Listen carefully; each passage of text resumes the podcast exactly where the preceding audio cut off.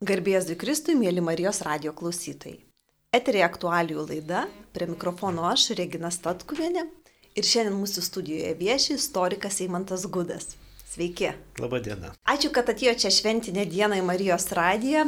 Šiandien minime 770 metų nuo vienintelio Lietuvos karalius Mindaugo karūnavimo.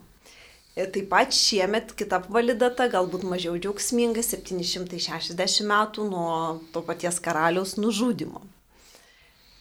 Dar viena data, kurią galbūt jau visi pastebėjo, tai Vilniaus 700 metų jubiliejus. Sakykite, Eimantai, 2023 galima pavadinti jubiliejų metais. Ar jūs nepasigendat ne tik tokių kuklių minėjimų, bet ir šventiškumo? Įsivaizduoju, jeigu šitie jubiliejai vyktų tokios panašios šventės kurioje nors vakarų Europos šalyje, pirmo karaliaus jubiliejus karūnavimo, arba mūsų kaimininėje Lenkijoje, turbūt būtų gerokai šventiškesni renginiai ir, ir daugiau to džiaugsmo, ir daugiau visokiausių ir konferencijų, galų galę suvenyrų gatvėse matytume. Sutinku, sutinku. Aš manau, kad vis tiek, na, ši Liepos 6 yra pakankamai neblogai minima. Numatyti renginiai daro įspūdį tiek Vilniuje, tiek Kaune, įvairiose vietose, bet galėtų būti, žinoma, šventiškumo šiek tiek daugiau. Man sunku būtų pasakyti, kaip vakarų Europos miestuose būtų švenčiamos tokios šventės. Akivaizdu, kad kai kuriuose vietovėse daug mažesnės iškilmės yra švenčiamos kur kas labiau bet didžiuosiuose miestuose vargu bau.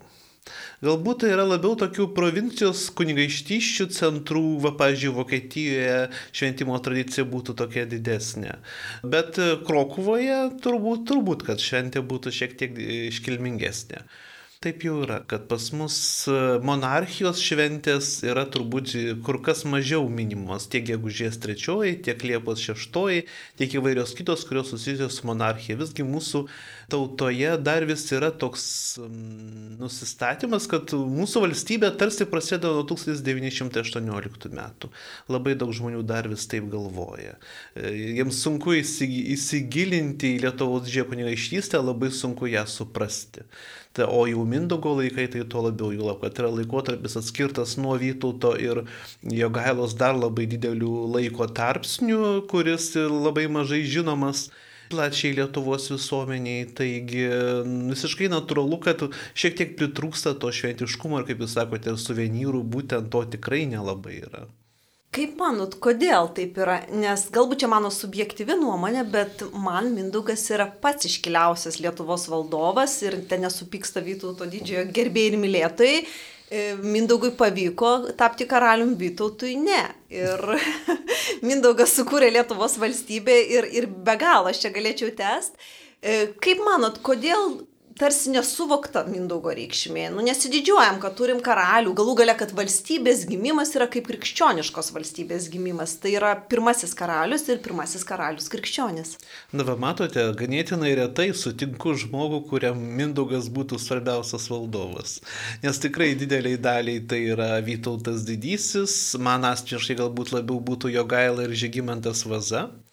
Bet uh, Mindaugas Čia nei taip lengva pasakyti, kodėl jis yra toks tarsi primirštas. Visų pirma, vis tiek mūsų tautinėme naratyve labai daug yra simpatijos pagonybei, nepamirškime šito. Ir ta simpatija pagonybei jinai buvo iškelta labai sovietmečiu, kada per tam tikrą labai mažą pagonybės iškelimą buvo bandoma sumenkinti katalikybę.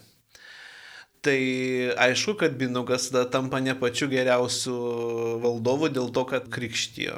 Tai čia viena pusė. Kita pusė gal pasakytų, kad tas krikštas jau buvo pavėluotas, nors iš tikrųjų tokių labai ama atimančių argumentų, kodėl Mindaugas yra toks primštas, šiaip ir nelabai turiu. E, gerbiamas Gudai, kai skaitau apie Mindaugą, tų šaltinių nėra daug. Labai iš tikrųjų, mažai. mes galim tik spėlioti ir tie patys rašyti priešų. Vis dėlto negali nesuvokti asmenybės masto. Sugebėjo gauti karūną ne per tarpininkus, ne iš Romos imperijos imperatorius, bet iš paties popiežiaus. Ką rodo šis pasiekimas, kad matyt Mindaugo dvaras buvo jau netokių ir laukinių pagonių dvaras, jeigu sugebėjo. Ir žinoma, tas pat, taip pat Mindaugo diplomatiniai gebėjimai, jo asmeninės savybės, tai tikrai buvo turbūt figūra pranokusi laikmetį ir ne tik laikmetį, bet turbūt gerokai labiau išsilavinusi, nežinau, apdovanota kažkokiam savybėm, kaip manot? Tam tikrom savybėm Mindaugas tikrai buvo apdovanotas, bet čia reikėtų nepamiršti, kad ne tik Mindaugas galbūt buvo neblogas diplomatas, bet ir jisai turėjo gerų diplomatų. Tai aš turiu galvoje visų pirma poną Parbų. Be abejo, nes Parbaus misija pas popiežių buvo labai sėkminga ir, ir tai lėmė, kad net Livonijos ordinas labai nustebo tokiais e, diplomatiniais gebėjimais Parbaus ir jo misijos ir, ir tai buvo gautas karaliaus titulas iš paties popiežiaus. E, apie Mindaugo turbūt asmenybę truputį vėliau dar šnekėsime. O šitoje vietoje reikėtų pastebėti, kad vat Lietuvai šiuo momentu, vat būtent 1253 metais, pasisekė labiau negu Lenkijai ar Julap Čekijai, nes jos e, karūną gavo iš Šventosios Romos imperijos imperatoriaus. Ir, pažiūrėjau, Čekija visiškai buvo įlieta į imperiją kaip vasalinė valstybė. Atsiprašau tik tai skaitytojams, klausytojams, kurie galbūt mažiau susipažinę su istorija, tai tas skirtumas gauti iš popiežiaus ir iš imperatorius, ką jis reiškia? Realiai, de facto, tai reikšdavo, kad iš imperatorius gauti titulą, kad tampa uh, karalius pavaldus imperatoriui tiesiogiai. Tai, sakau, tam tikra priklausomybė iš karto atsiranda tarpininkui, sakykime, tokiam pasaulietiniam tarpininkui. Kaip sakau, va čekiai šiuo atveju nelabai pasisekė, nes jie buvo įlieti į pačią imperiją. Lenkams šiek tiek labiau pasisekė, jie buvo paskelbti imperatoriaus vasalais, tačiau mm, faktinio vasaliteto nebuvo ir jie visgi išsilaisvino iš, iš tų tų gniauštų. Tuo tarpu Mindugui pavyko gauti karaliaus titulą tiesiai iš popiežiaus, tai buvo be tarpininko hierarchinėse kopiečiuose, nes vis tiek, na, popiežius, nors popiežius ir imperatorius tuo metu varžėsi dėl valdžios, tai šiuo atveju labai gerai, kad, kad Mindaugas paremė popiežių.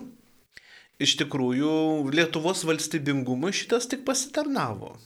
Ar, sakykime, būtų pasitarnavę, jeigu Mindaugas nebūtų taip anksti miręs ar atsimetęs iš katalikybės, kas irgi dar yra kvestionuotina.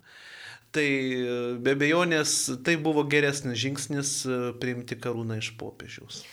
Sakykit, e, turbūt grįžti norėčiau prie parbos misijos. Tais laikais buvo labai svarbus tokie dalykai kaip protokolas, etiketas, kalbų žinojimas, mokėjimas. Ir jeigu dar apie jo gailą Lenkai rašo ir apie lietuvius, kaip apie ten meškos kailiais apsidangščiusius, na taip hiperbolizuodami, tai aš įsivaizduoju, kad Parbus turėjo ir bendrauti atitinkamai, būti išsilavinęs, ir apsirengęs, ir kažkokias dovanas matyti atvežti, ir, ir bendrauti, kad popiežius, na, bendrautų kaip su solidžios šalies atstovu. Taip labai norėtųsi, kad tai būtų, bet iš tikrųjų apie Parbaus misiją mes nieko konkretaus nežinome, nei, nei, nei apie jo ten apsirengimą ar, ar, ar poelgius ar jo išsilavinimą, būtent apie Parbaus išsilavinimą irgi nieko nežinome ir labai būtų sunku tikėtis, kad jis būtų gavęs kažkokį vakarietišką išsilavinimą ar, ar panašiai. Tiesiog, na, nėra prielaidų tikėtis, kad tai buvo. Tai kur, kur buvo ta misijos sėkmės priežastis, taip ir lieka neaišku. Iš tikrųjų, Lietuva tuo metu dar nebuvo išsivyšiusi valstybė, nebuvo išsivyšiusi visuomenė ir sunku, pas, sunku patikėti, iš kur ta sėkmė. Bet galbūt galim daryti prielaidas, kad, na, kunigaikščio dvaras, didžiojo kunigaikščio dvaras jau buvo gerokai priartės, reiškia, prie vakarų, vis tiek turėjo būti raštininkai. Pasakyti, mes galim tik spėti. Mes galime vėlgi tik spėti, nes raštininkų vėlgi Mindogo laikais nelabai daug buvo, nes iš tikrųjų mes iš Mindogo laikų turime išlikusi iš esmės vieną dokumentą rašytą Lietuvoje ir tai dar abejotinas, ar tai nėra falsifikatas. Ir mes nelabai galime įsivaizduoti, ar tuo metu buvo išsivyšiusi raštinė ar panašiai. Jeigu ir buvo, tai tikrai ne iš vakarų, o iš rytų ir be abejonės tai galėjo būti Kievo Rusios palikonių įtaka ir, ir, ir būtent sačiatikiškos raštyjos įtaka.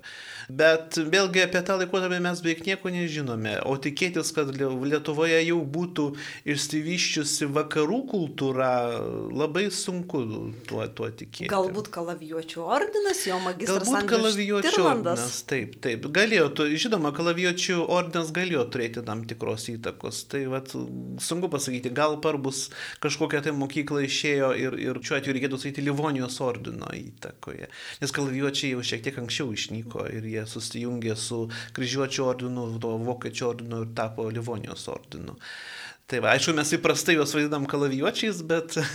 Livonijos. Livonijos ordinas. Taip, kalavijuočiai čia iki, iki Saulės mūšio. Na tai va, tai mes per mažai iš tikrųjų žinome. Labai yra sunku įsivaizduoti Mindaugo aplinką, be abejonės, kad ten savarankiškumo kažkokio kultūrinio buvo mažai. Greičiausiai, kad tai Livonijos ir, ir, ir Rusijos įtakos labai stiprios turėjo būti. Tačiau Mindaugas vis dėlto, nepaisant, nežinom kaip, bet tą karūną gavo, buvo karūnuotas. Ką reiškia Lietuvai toks statusas Mindaugo, ką reiškia šis pasiekimas ir galbūt ne tik tame laikotarpyje, bet iki šiandien? Na, iš tikrųjų tai labai gaila, kad e, Lietuva karalystė tapo taip trumpam.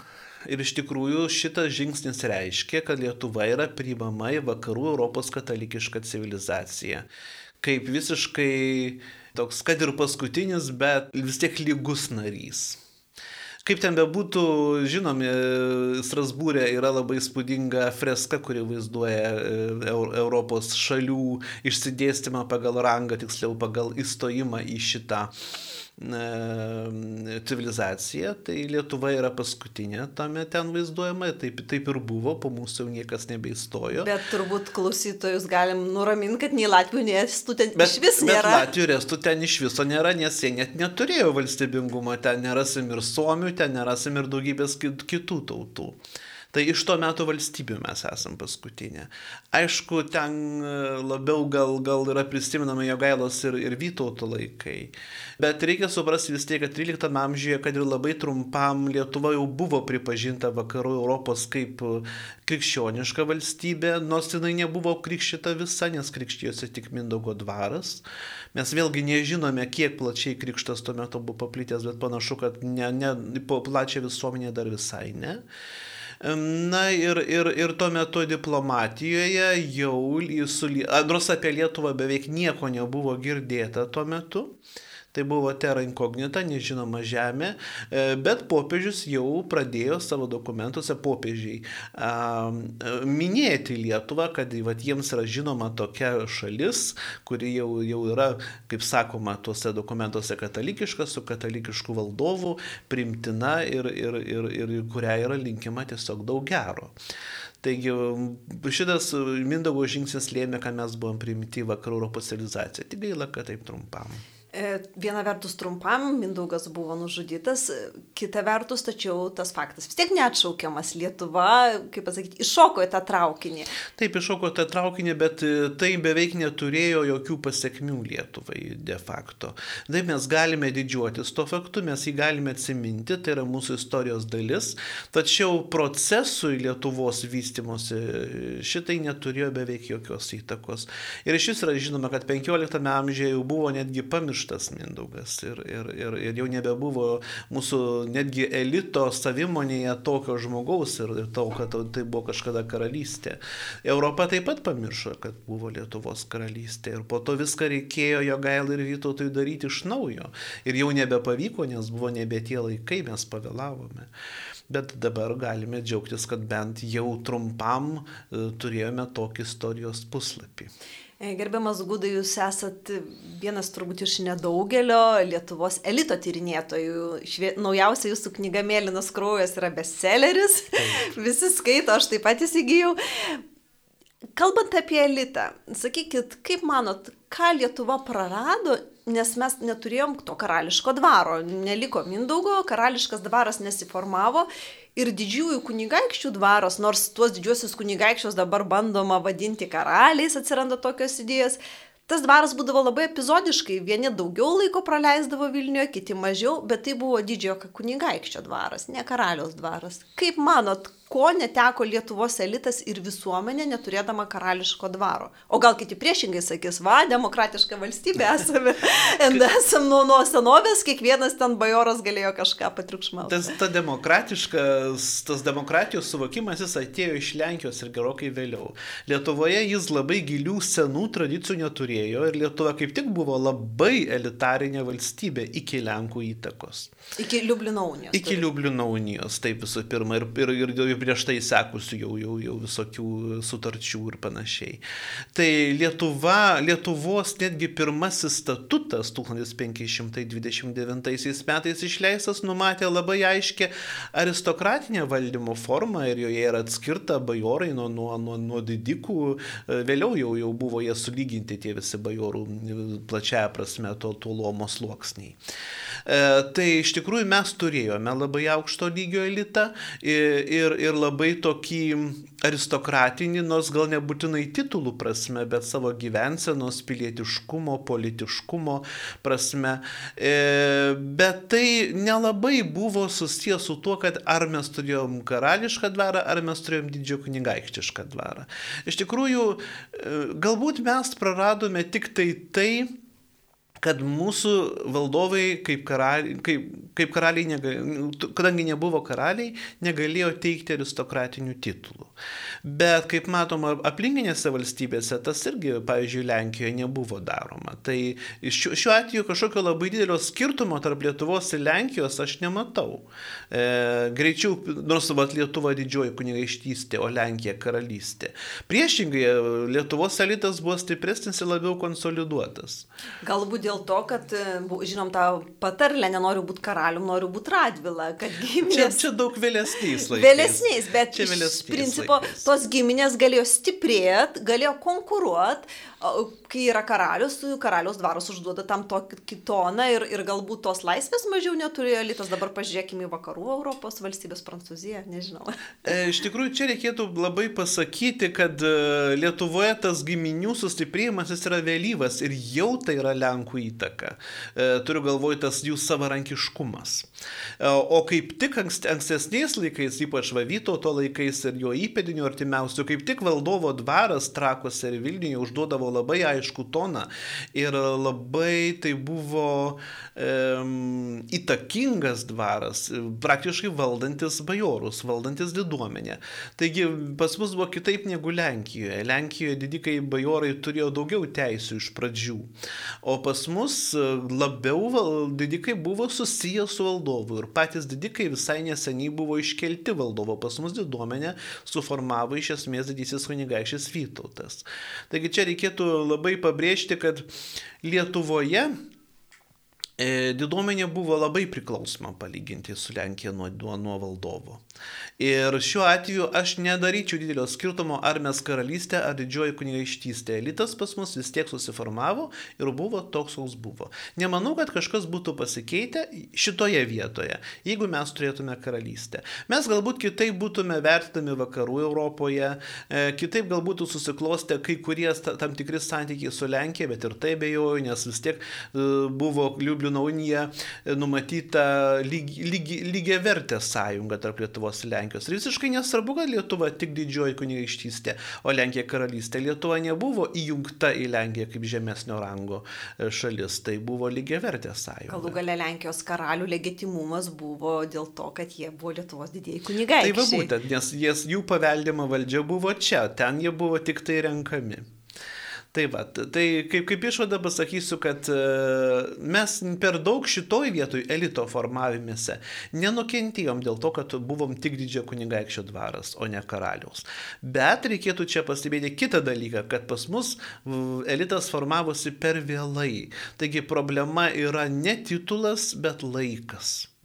Ir vat jeigu e, pas mus e, nebūtų įvykęs grįžimas prie pagonybės. Tarkime, jeigu ne Vytauto laikais, o Mindaugo laikais tai va, jis būtų pradėjęs tai, formuoti. Tai va, jeigu nebūtų buvę to atkritimo į pagonybę ir į tamsią kultūrą, turiu galvoje e, atsimetimą nuo vakarų Europos katalikiškos civilizacijos, tai pas mus kokių 130 metų turbūt anksčiau būtų atsiradę ir universitetai, ir vienuolynai, ir mokyklos, ir būtume šiek tiek arčiau vakarų Europos tokiu atveju. O dabar tas, tas pagonybės krikščionybės laikotarpis mus, mus labai nutolino ir nubloškė į rytus. Sakykit, kaip vertinat dabar atgimstančias diskusijas, kad ir kitus Lietuvos valdovus, tai yra Mindaugą, Gediminą, galima vadinti karaliais. Ne va jie patys save taip vadino. Ar tai yra mokslinė diskusija, ar vis dėlto tai yra ideologinė e, pozicija siekiant, na, nežinau, tą pagonybę vėlgi prilyginti, prilyginti krikščioniškai karūnai? Taip, būtent tame aš labai matau stiprų pagonių veikimą šito, šito, šito, šitame klausime. E, ir iš tikrųjų, na kaipgi. Tai ir aš galėčiau pasiskelbti karaliumi, bet kas nuo to pasikeistų. Nes tiesiog paminėsiu, kad jeigu pasirašo valdovas Rex, na tai jisai tiesiog, um, taip raštininkai rašydavo, žinom, kad Algirdas ir Bazilėjom titulavosi. Taip, titulavosi. Bet taip. kita vertus, jeigu jie būtų supra, e, žino, nu, jautę tą karališką statusą, turbūt Vytautas nebūtų kovojęs dėl karūnos. Tai vad būtent, tuo metu e, tiek Europoje, tiek ir Lietuvoje nebuvo labai aiškaus suvokimo, kad tai būtent yra karaliaus titulas. Visų pirma, ankstyvaisiais laikais, iki visų pirma krikščionybės įsigalėjimo, tas žodis reks, jis nebūtinai reiškia karalius, tai reiškia tiesiog valdovą. Tai iš tikrųjų jo negalima visu, visais atvejais šimtų procentų versti kaip karaliaus. Čia vienas dalykas. Antras dalykas. E, svarbu ne tik kaip mes patys save vadiname, nes narkas, Afrikos gentis irgi save vadindavo dažnai jų vadai karaliais ir panašiai, bet nuo to jie nebūdavo pripažįstami kažkokios civilizacijos kaip karaliai. Mūsų atveju buvo labai svarbu, kad vakarų Europa mus matytų kaip karalystė, bet to nebuvo. Tai vat, vat šitas argumentas jis irgi su, su, su, sutaršo tą norą didžiuosius kunigaikščius vadinti karaliais. Tiesa, tiesa, ir didžiojo kunigaikščio titulas nebuvo plačiai vartojamas. Mes irgi šitą pritempėme. Tiesiog būdavo valdovais vadinami Lietuvos monarchai. Tiesiog valdovais, nei, nei didžiaisiais kunigaikščiais, nei karaliais. E, jeigu mes jau taip jau labai rim, rimtai bandytume versti iš, iš, iš to, to meto kalbų tos, tos titulus. Tai štai, o vakarų Europoje nebuvo supratimo, kad Lietuva yra karalystė, nes su Mindogu viskas pasibaigė, iki Mindogo irgi viskas kaip ir aišku karalystės nėra ir, ir, ir, ir, ir vakarų Europa mus matė kaip tiesiog tokią tokį politinį darinį pagonišką, kuris neturi karalystės statuso ir kuriam nėra vietos vakarų Europos civilizacijoje. Tai be abejonės gerai, kad Vytautas bandė pasiekti karūnos, bet ta karūna ir nebūtų labai daug kažką pakeitus, vėlgi aš taip galvoju. Su manim daug kas bando ginčytis, kad Vytauto karūna būtų pakeitus Lietuvos likimą, bet aš nemanau. Mes ir taip buvome tokia valstybė, kokia buvome, labai didelė, bet šiaip jau ganėtinai silpna ir vis tiek reikėjo Lenkijos paramos.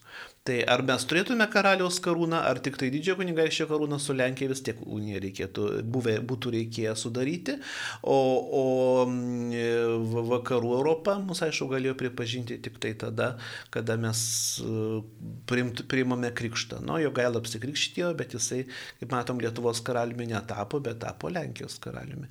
Tai čia vėlgi galime didžiuotis, kad Lietuva tuo metu Lietuvos valdovai valdė ir Lenkiją. Tai mes tą dažnai pamirštame, tarsi galvojame, kad čia Lenkai mus valdė, bet iš tikrųjų mes valdėme Lenkus. Tai va, o su, su mūsų valdovais yra taip, tai, tai, tai didžiojo kunigaikščio titulas tikrai nėra kažkoks labai prastas, kaip kartais yra įvardyjama tose tokiose, drįčiau pasakyti, pseudoistorinėse diskusijose. E, ir, ir, ir karaliaus titulas netiek jau daug būtų pakeitęs. E, ir tai tiek. E, gerbiamas Gudai, šiandien visa Lietuva, tiek Lietuvoje, tiek užsienyje lietuviai gėdos tautišką giesmę. Ir ten yra tokie gražų žodžiai, iš praeities tavo sūnus te stiprybė semia. Ir 18 metais ta praeitis buvo visiems labai aiški. Vytautas didysis, nuo jūrų iki jūrų, čia mūsų stiprybės šaltinis. Ir tai yra turbūt natūralu, kiekviena valstybė turi savo pasakojimą, naratyvą, Taip. kas mes esam, iš kur atėjome ir tai yra mūsų tapatybės dalis, esaties dalis.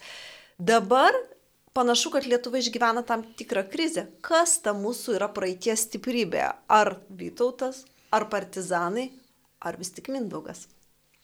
Iš tikrųjų apie Mindaugą labai mažai kas kalba. Ir, ir iš tikrųjų tas laikotarpis buvo toks trumpas, kad apie jo įtaką, kaip sakiau, kalbėti yra tiesiog, tiesiog beveik neverta. Tai be abejonės. Gerbiamas Gudai, atsiprašau, viena vertus beveik neverta, tačiau kita vertus Mindaugas buvo tas, kuris parodė labai aiškiai kryptį. Vakarai, Taip. Roma ir kartais man pačiai atrodo, kad Roma yra arčiau nei Ryga. Ten Pan, panašiai, panašiai, tik štai Roma be abejonės yra mūsų civilizacijos centras ir tam tikrą prasme žinoma arčiau negu Ryga. E, bet visgi aš, aš pabrėžiu tai, kad, kad visgi neturėjo šitas projektas politinės ir kitokios socialinės, kultūrinės linijos įtakos vėliau. Ir, ir dėl to jis yra toks, ir dėl to jis yra primišas, ir dėl to aš jį vertinu šiek tiek, šiek tiek kukliau. Man kur kas yra svarbiau jo gailos įtaka ir Vytauto didžiojo. Kaip Nes... manot, galbūt dėl to, kad taip kukliau kaip ir jūs ir dauguma istorikų ir politikų vertina, nepavyko ir Lietuvos e, monarchijos atkūrimas. Mindaugas antrasis, taip ir, ir, ir. Na, čia buvo jau tiesiog mūsų, mūsų, mūsų tautinio atgimimo šauklių tokia pozicija, kad jie iš pradžių, norėdami palaikyti gerus santykius su Vokietija, išlaikyti tai tą monarchijos idėją priėmė, bet po pusės metų ją atšaukė. Tai iš tikrųjų tai irgi nebuvo labai rimtas projektas. Ir, ir jisai, aišku, dabar yra ir parašyta knyga, kas būtų buvę, jeigu monarchija būtų 18 metais paskelbta. Tai ten manoma, kad 22 vis tiek jinai būtų panaikinta panaikinta. Sunku pasakyti, kaip ten būtų buvę, gal, gal monarchija būtų išlikus ir iki šiandienos, e, bet e, Mindugo laikai iš tikrųjų, aš, aš suprantu, kodėl jie yra truputėlį primiršti, nes, nes vis tiek tas, tas laikotarpis neturėjo pasiekmių. E, viena vertus neturėjo, tačiau kita vertus tokio Mindaugo neturėjo nei prūsai, Taip. kurie išnyko, neturėjo Latvijai, e, jam pavyko, jie išliko kaip tauta, bet valstybingumo tokių tradicijų neturi. E, lietuviai turėjo Mindaugą. Ar manot, kad Mindaugo ir jo tėvo netgi, apie kurį dar mažiau žinome, mhm politika nebuvo tas svarus dalykas, kuris suvienijo šitas gentis ir, ir vis dėlto padėjo stiprų pamatą valstybingumui? Mes taip norėtume matyti. Bet iš tikrųjų pasikartosiu eilinį kartą, kad taip, tai buvo labai svarbus žingsnis, tai buvo labai vienalaikis žingsnis, labai svarbus, bet vat, viską sugriovė e, Mindogo įpėdiniai, kurie, kurie tos e, tradicijos netėsi. Kaip manot, kodėl? Elementariai todėl, kad jie buvo savo širdimi pagonys ir, ir, ir jiem, jiems buvo svetima, svetima ta, ta, ta, ta e, vakarų kultūros e, sklaidos idėja. Aišku, labai sunku pasakyti, kaip yra ir su pačiu Mindaugu. Nepamiršime, kad jisai krikštą ir karūną priemė labai sunkiu metu, kada buvo iškilusi didelė grėsmė jo kūriamai valstybei. Tai klausimas, ar, jisai, ar tai buvo religinis atsivertimas ar politinis tai buvo žingsnis. Tai buvo politinis politinis žingsnis. Ir šiaip jau tuo metu net keliuose e, skirtinguose šaltiniuose yra minima, kad Mindaugas niekada taip ir neišpažino krikščionybės, kad tai buvo tiesiog politinis žingsnis, norint sugriauti prieš jį sukurtą e, sąjungą, kurią sudarė didelė dalis baltų, e, Livonija, Haličas, Voluinė. Tai vat, jam pavyko tas, tą, tą bent jau Livoniją pašalinti iš, iš, iš, iš, iš šitos, šito alijanso prieš jį nukreipto būtent krikštu. Na ir paskui, žinoma, Livonija padėjo jam ir, ir, ir karūnuotis. E, tai, tai buvo labiau politinis žingsnis. Tai natūralu, kad krikščionybė kaip tokia, jinai tuo metu, katalikybė turiu galvoje, Lietuvos dvare neįsigalėjo labai stipriai, jinai neįleido šaknų. E, ir žinoma, po, po Mindogo mirties visiškai, visiškai katalikybė užgeso Lietuvoje. Gerbiamas Gudai, pakalbėkime iš tikrųjų apie krikščionybę ne kaip apie tikėjimą religiją, bet kaip apie politinę mhm. kryptį. Mhm. Nes dažnai daugelis net labai išsilavinusių žmonių šiuo laikiniu įsivaizduoja, kad krikščioniška civilizacija tai ir tai yra, kad statomos bažnyčios ir žmonės e, garbina Jėzų Kristų ir išpažįsta krikščionybę. Vis dėlto tai yra kur kas daugiau. Taip, tai yra kur kas daugiau. Ką reiškia tas, kokie fenomenai, apie kuriuos mes net turbūt nesusimastom ir priimam kaip sekuliarios valstybės atributus, yra vis dėlto krikščionybės atnešti, krikščionybės suformuoti ir yra būtent tos krikščioniškos politikos rezultatas. Krikščionybė atnešė praktiškai visą, ką mes dabar įpratę vadinti aukštąją kultūrą. Krikščionybė atneša mokyklas, raštą, universitetus, vienuolynų kultūrą, ne tik paprastai bažnyčias ir meldymasi, tai atneša praktiškai viską tai atneša politinę sandarą, tai atneša parlamentus, tai atneša valstybės valdymo biurokratinį aparatą. Pagaliau moterų teisės ir požiūrį į, gyvybę vaikas vertinamas vis dėlto kaip Dievo dovana, o ne kaip kažką, ką gali išmesti. vaik, vaikas įmamas vertinamas kaip Dievo dovana, bet ar atneša tai moterų teisė, čia dar klausimas. Ne, aš turiu omeny taip, kaip jos suprantamos, nu, tarkim, ar net ne? ne viduramžiais islame moteris galima irgi ją išmest, galima su ją daryti, ką nori, krikščionybė tada A, draudžia. na taip, Taip, taip, tos taip. teisės yra, sakykim, labai skirtingos, yra apibrieštos, kas dera vienai lyčiai, kas nedera kitai, Taip. tačiau žmogiškąją prasme, žmogiško rūmo prasme, moteris yra, ir vyras yra lygus. Taip, žmogiškumo prasme be abejo, moterų teisės tam tikrą prasme viduramžiškų supratimų buvo įteisintos. E, Ir ypač Lietuvoje jos tikrai, kaip ir statutai rodo, tos moterų teisės buvo ganėtinai plačios lyginant su visa Europa. E, Taip, tai krikščionybė atnešė praktiškai viską, kas, kas yra vadintina aukštąją kultūrą ir, ir, ir dėl to man taip visada ir gaila, kad mes taip vėlai tą visą priemėme, nes, nes galėjo Gimindaugo įpėdiniai išlaikyti tą katalikišką poziciją, krypti vakarietišką, tą bendravimą su Roma ir viskas būtų buvę kur kas geriau.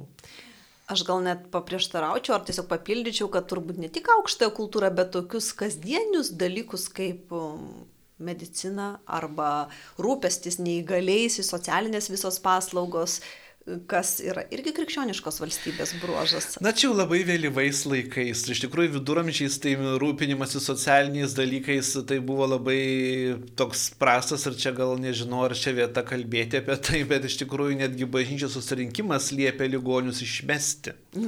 Buvo ir toks, taip, Toks būtent lab, labai etapas. sunkius ligonius, kurie, sakykime, serga užkrečiamomis lygomis, buvo liepiama atskirti nuo visuomenės. Tai buvo bažnyčių susirinkime tas priimta. Aišku, šalia to kitame bažnyčių susirinkime buvo ir, ir, ir liepta žydus atriboti ir taip toliau. Tai iš tikrųjų ta, ta katalikybė, jinai labai skiriasi nuo tos, kur yra šiandien ir, ir, ir, ir, ir bažnyčios e, nurodymai, įstatymai priimami bažnyčios susirinkimuose dabar būtų nesuprantami dabartiniam žmogui. Taip, bet tai mes kalbam apie atskirus dalykus, bet tačiau pats procesas, kuo mes tapom šiandien, Bet tai pats procesas, aišku, tai kryptis, kryptis buvo labai gera. Ir iš tikrųjų Mindaugas, Mindaugas aš be abejonės labai labai sveikinu už tą kryptį. Aišku, čia, čia šitoje vietoje, jeigu mes kalbam apie politiką, tai yra jau antrailis dalykas, a- a- ar jisai buvo nuoširdus katalikas ar ne. E, panašu, kad ne, jo kad yra manoma, kad paskui jis atsimetė, atsimetė nuo katalikybės galutinai. E, nors popiežiai to taip ir nesužinojo. Bet ar akivaizdu. taip galim sakyti, ar tai galėtų būti Mindaugo priešų, tarkim, mes nežinom, ką jis jautė iš tikrųjų, ką žmogus nežinom, galvo, ką jis jautė. bet jo praktikos, jo elgesys, apie jį labai daug negatyvių dalykų. Ir Taip. tas ta, tų negatyvių dalykų gausa jau kelia klausimą, ar tai nėra, nu, tiesiog toksai sąmoningas, stipraus valdovo, stiprios asmenybės bandymas pažeminti. Taip, tai buvo bandymas pažeminti, nes tas valdovas kėlė labai didelę grėsmę. Ir ambicijas turbūt didžiulės Ir turėjo. ambicijas didžiulės turėjo, čia taip, čia atskiras būtų klausimas. E, iš tikrųjų, e, Mindaugas e, labai, labai daug nusipelnė kariaudamas, sukurdamas Lietuvos valstybę. Aišku, tai buvo daroma krauju ir įvairiais kitų žmonių pažeminimais. Bet kita vertus, tuo metu turbūt jokioje kitoje valstybėje nevyko kitaip. Greičiausiai taip, greičiausiai taip. Bet vat, kas iš tikrųjų labai užkliuvo ir kodėl Mindaugas buvo vertinamas neigiamai kito, kitų valstybių metraščiuose, kad jisai priemęs krikščionybę e, ėmė su tais krikščionimis kariauti. Bet kita vertus, o kur buvo kitaip? O kur buvo kitaip? A, tai ar dėl to, kad, sakykime, Anglijos karalius pradeda kariauti prieš Prancūzijos karalių, nepamirškim šimtamečio karo ir panašiai, ar tai reiškia, kad jis atsimetė nuo krikščionybės? Taip, juk tai Taip, krikščioniškos nie- Apie šalis. tai, apie tai net kalbos nėra. Bet kažkodėl Lietuvoje, li- turiu galvoje rytų ir centrinėje Europoje, apie Lietuvą tai buvo pasakyta, kad kadangi Mindaugas kariauja, ima kariauti prieš krikščioniškas šalis, prieš tas, kurios jam galo padėjo krikštytis ir panašiai, e, nes jisai su Livonijos ordinu vėlgi pradeda konfliktuoti ir panašiai, tai dėl to jisai e, turi būti atsimetęs nuo krikščionybės. Čia klausimas, ar tikrai tai buvo. Bet yra kitas klausimas, ar jis iš viso buvo tikintis ir, ir ar dvare buvo palaikoma krikščionybė tuos dešimt metų. Čia irgi yra klausimas. Taigi čia labai sunku yra atsakyti, kaip yra iš tikrųjų. Nes mes iš tikrųjų iš Mindogo laikų neturime jokių žinių apie tai, kad būtų plečiamas kažkoks parapijų tinklas, kad valdovo dvare būtų koplyčia, kad, kad kažkas tokio. Mes apie tai nieko nežinome. Galbūt ir laikas buvo nedėkingas, buvo iš tikrųjų, kaip minėjot, karo laikas, kai valstybė kariauja, natūralu, kad tokie dalykai kaip švietimas ar Taip. tikėjimas, jie šiek tiek apleidžiami. Karos laikas buvo visą laiką ir Vytauto didžiojo laikais, ir Jogailos laikais buvo karo laikas, bet vis tiek buvo labai sukryžiuočiais, visų pirma, ir visa kita, bet ir platinama buvo ir mokyklos, ir parapės, visa kita. Tai va čia man yra tam tikras klausimas, kodėl Mindaugas viso to nedarė. Arba galbūt mes neturim duomenų. Arba mes neturim duomenų ir gali būti taip, kad kažkas buvo sukurta, bet paskui vėl įsitvirtinę pagonių kunigaikščiai visą tą sunaikino, o vakarų Europa nespėjo pamatyti. Nes vakarų dokumentuose yra užfiksuotas tik tai faktas, kad Lietuva, tai yra Mindaugas apsikrikštijo, kad Lietuva tampa e, de jūre krikščioniška valstybė katalikiška, bet vėlgi nėra jokių žinių apie katalikybės realią faktinę sklaidą visuomenėje. Jokių žinių. Gerbiamas Gudai, mes kalbam apie įvykius, kurie įsidėstė laikę beveik tūkstantį metų. E, kaip manot, ar Lietuva galutinai tapo krikščioniška valstybė? Toks gal provokuojantis klausimas, bet formaliai taip, bet mes matom visas tas idėjas apie karalių titulo suteikimą, neaišku kaip, tiesiog va, taip iš lubų kitiems valdovams. Matom pagonių bendruomenę ir Ar mes tapom krikščionimis? Aš manau, kad mes tapome krikščionimis. Žinoma, niekada negalima tikėtis, kad, kad, kad tapimas krikščionimi, krikščionimis įvyktų šimtų procentų. Galbūt čia Maltoje tai buvo panašiai. Dabar va Malta labai nukrikščionėja, tai labai baisu matyti tą procesą. E, bet, e, tiksliau, katalikų bažnyčia praranda privilegijas Maltoje. Katalikai praranda privilegijas po truputėlį. O pas... Jūs manot, kad e, teigiat, kad Maltoje katalikai netgi turėjo privilegijų? Tai katalikai, tai, tai, tai dar dabartinė Maltos konstitucija numato labai didelės privilegijas katalikybei. Aišku, aš manau, kad čia yra laiko klausimas, kada tai bus panaikinta. E, bet, bet dar visai neseniai katalikybė buvo labai privilegijuota religija Maltoje. Čia, čia taip tai buvo. Ir taip pat yra, tarp kitko, tebėra Lichtensteinė. E, Lietuvagi visai kitų kelių nuėjo. Lietuva, Lietuva yra religinė tolerancija. Lietuva nuėjo kitų kelių, bet Lietuva nuėjo kitų kelių kada? Sovietmečių. Ne, ne, bet jeigu mes žiūrėtume net ir į abiejų tautų respublikos. O, tenai viskas, žinokit, ne viskas buvo taip paprasta, kaip įsivaizduojama, nes iš tikrųjų iš pradžių tos religinės tolerancijos kartais šiek tiek būdavo, ypač 16 amžiuje, kada buvo išsivystę e, protestantizmas, ten e, ir stačiatikiai vėl buvo pradėję kelti galvas, bet ilgainiui Lietuvos žydų kunigaikštystė tapo labai stipriu katalikybės forpostų ir platintojų. E, ir iš tikrųjų vakarų Europa ir ypač popiežiai labai sveikinavo, kad Lietuva yra ta, kuri kovoja už katalikiškas vertybės ir atlaiko e, tą katalikišką frontą šiaurės rytuose. Tai iš tikrųjų čia buvo dvi tos, tos šalis, kurios buvo įvardyjamos kaip katalikybės forpostas, tai buvo Lietuva su Lenkija ir Vengrija. Žodžiu, visas tas kovos su musulmonais, mūsų kovos su, kaip tuo metu buvo rašomas, schizmatikais, tai reiškia stačiatikiais ir, ir, ir aišku, galop sėkminga kova, pakankamai sėkminga kova su protestantizmu, tai Lietuva tapo katalikiška valstybė ir Lietuvoje valstybinė religija Lietuvos didžiojo kunigaikštystėje buvo tik tai katalikybė de facto. E, ir, ir, ir, ir, na aišku, paskui labai daug ką mums pakenkė Rusija, pakenkė e, visos Rusijos okupacijos, nevardinsiu jų, ir, ir tai lėmė, kad Lietuvoje katalikybė gerokai e, pasilpo. Tai dabar, va, sakykime, iš tikrųjų taip, katalikų mes matome oficialiai dauguma, bet kiek to realiai katalikiško mąstymo ir gyvenimo Lietuvoje, tai manau labai mažai beliko ir, ir, ir liks turbūt dar mažiau. Tam nes... tikras atsimetimas, kaip kažkada vienas Mindaugas, tai dabar visa tauta. Dabar panašiai visa dalis, negalima sakyti visa tauta, bet jau dalis. maždaug pusė ar kiek tenai tos tautos iš tikrųjų vadina save katalikais, bet to de facto katalikiško gyvenimo negyvena e, arba gyvena retkačiais, ten du kart per metus, kai nuėjai iš bažnyčios. Bet panašiai. gal tada paprovokuosiu, gal ir nebeaktualu šiais, lai, šiais laikais. Kaip manot, svarbu ar nesvarbu išlikti katalikų šiais laikais? Ar turim tęsti tą katalikybę, krikščionybę, mąstydami ne tik vertybiškai, dvasiškai, bet ir politiškai? Čia labai sunkus klausimas. Dabar, aišku, jau visokių yra nuomonių ir, ir ypač po antro Vatikano susirinkimo yra jau vis labiau plintanti nuomonė, kad politiškai katalikybė privalo veikti tik tam tikrose e, sritise, bet visgi mano asmeninė nuomonė, kaip tokio praktikuojančio kataliko ir labai konservatyvaus, normalaus žmogaus, tai aš manau, kad katalikai privalo veikti visose politinėse sferose, ne kažkokiuose ten atskirai, bet visose ir, ir, ir, ir, ir katalikybėm, aš tai būčiau už tai, kad katalikybė, kaip ir Lietuvos žiojo kunigaikštystėje, būtų, na, privilegijuota religija, nes tai yra mūsų e, kultūros kult, pamatas. Kultūros, pa, būtent pa, paveldas ir pamatas ir esmė. Taip, žinoma, privalo būti e, vietos palikta ir kitoms religijoms religijoms ir kitoms konfesijoms ir, ir visokioms mažumoms, bet visgi e, kaip mes labai saugom šeimą, sakykime, tradicinę šeimą, tai taip turime saugoti ir savo religiją. O aš matau, kad pastaruoju metu kažkaip e, katalikai dažnai ima labiau e, ginti šeimą negu savo religiją. Ir tas man truputėlį keista. Iš tikrųjų, religija turėtų būti pagrindas.